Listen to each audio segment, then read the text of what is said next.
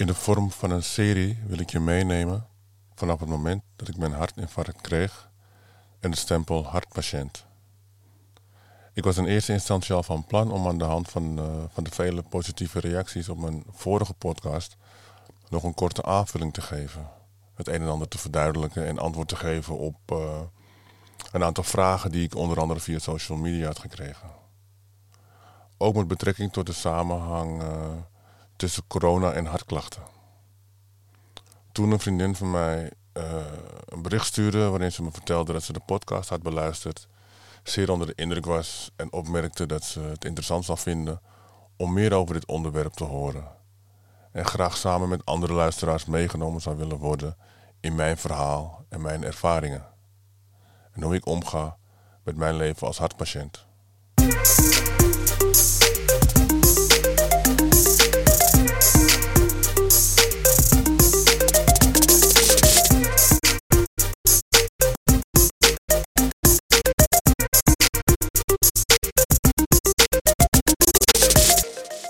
Hallo, hier Martin Bron en welkom bij de eerste officiële aflevering van Mijn leven als hartpatiënt. De vorige aflevering was een introductie over hoe ik van de een op de andere dag het stempel hartpatiënt kreeg. Het is inmiddels drie weken geleden dat ik mijn hartinfarct kreeg en twee weken na mijn katheterisatie. Het is nu 18 februari 2022 en ik ben nu twee weken thuis. Zoals ik al eerder vermeldde, ik mag nog niet werken en ook nog geen vervoermiddel besturen. Dus op dit moment doe ik vrij weinig. Ik rust nog veel, althans dat probeer ik. En ik denk dat ik mag zeggen dat het me aardig afgaat.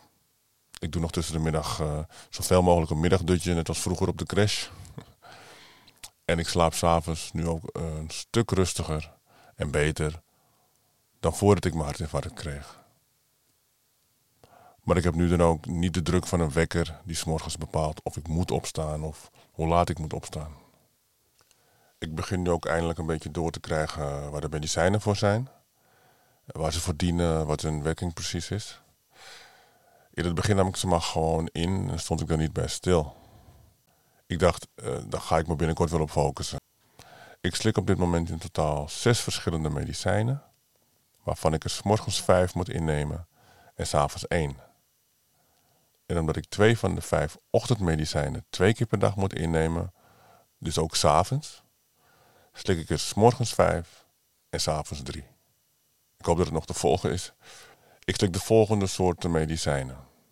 Twee bloedverdunners, één cholesterolmedicijn, twee beta-blokkers en uiteraard een maagbeschermer.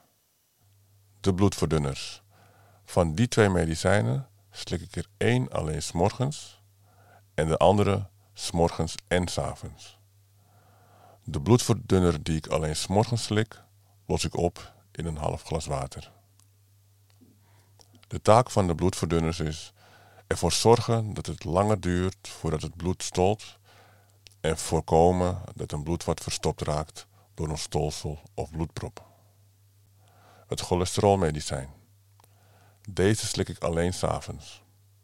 De taak van dit medicijn is het verlagen van het cholesterol en de vetten in het bloed, om te voorkomen dat de bloedvaten verstopt raken. De beta-blokkers, deze twee medicijnen slik ik beide één keer per dag, beide s morgens. De taak en betekenis van een beta-blokker is het verwijden van de bloedvaten, het vertragen van de hartslag en dus het verlagen van de bloeddruk. En dan de zogenaamde maagbeschermer. Hier slik ik er één van per dag, ook s'morgens. Het medicijn om mijn maag te beschermen vermindert de hoeveelheid maagzuur. Zo beschermt het tegen problemen die door te veel maagzuur kunnen ontstaan, zoals bijvoorbeeld een maagzweer of een bloeding in de maag of darm. Ik heb trouwens ook een spray gekregen om te gebruiken indien ik een aanval op mijn borst krijg. Dus mocht ik weer pijn, druk en eventuele verkrampingen op mijn borst krijgen. Dan moet ik met die spray één keer onder mijn tong spuiten. Als de klachten dan niet binnen vijf minuten afnemen, moet ik dit herhalen.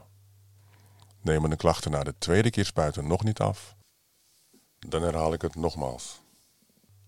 Als de klachten in totaal na ongeveer 15 minuten nog niet afnemen, dan moet ik 112 bellen. De spray werkt als volgt. Het verwijt de bloedvaten en verbetert de aanvoer van zuurstof naar het hart. Ook vermindert het het zuurstofgebruik van het hart. Het hart wordt zo dus minder belast. Het medicijn begint te werken tussen de 1 en 3 minuten. Ik voel me over het algemeen goed.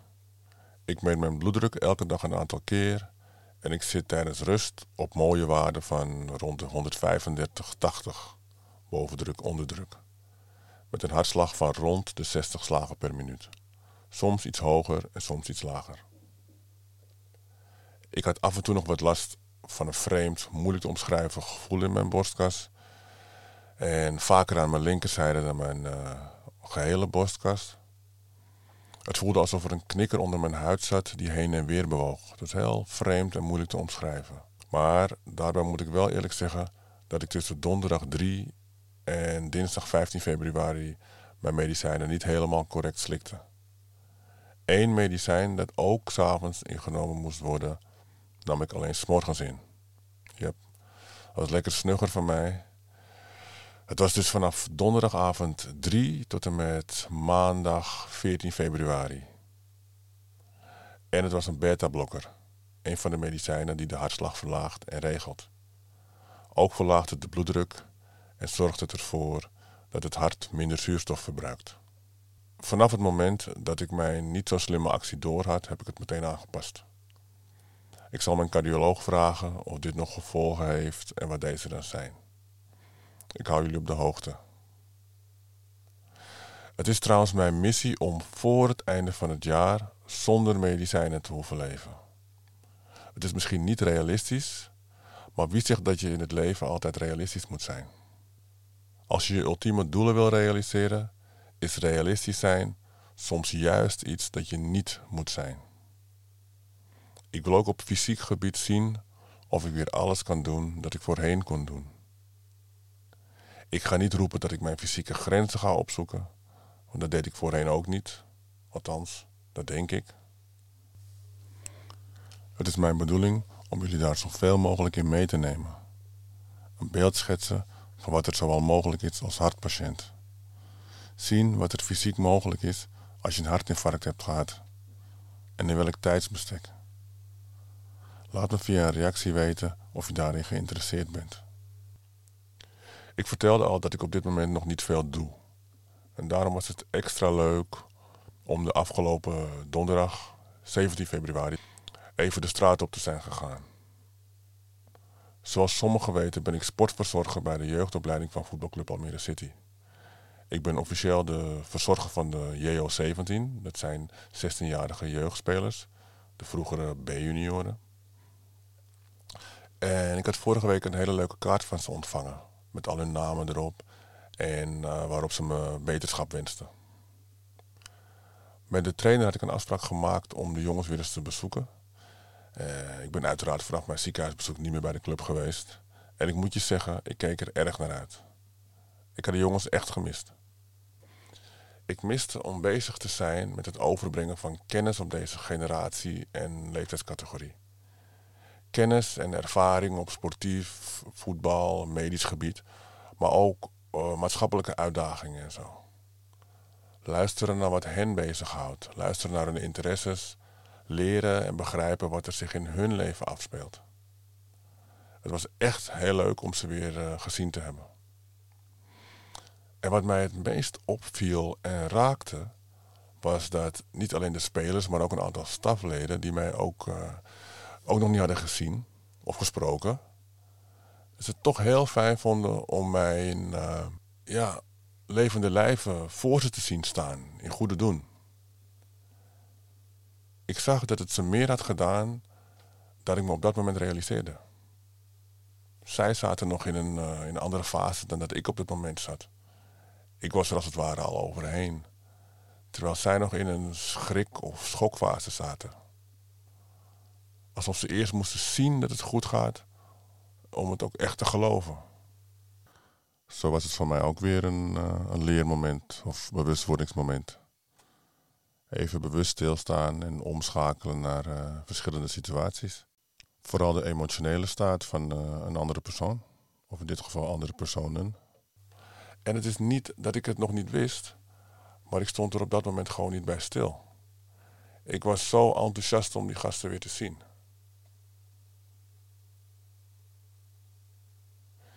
Ik was binnen een paar uur alweer thuis, maar het was, het was leuk om even te hebben meegemaakt. Ik ben thuis meteen weer even gaan rusten, want ook al was het niet veel, het was toch aardig inspannend. Maandag 21 februari heb ik een controleafspraak bij de cardioloog. Ik hoop dat ik dan weer meer nieuws heb.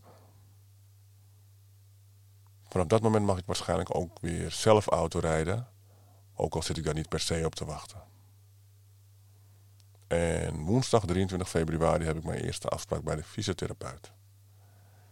Ik hoop dan weer lekker fysiek aan de slag te kunnen.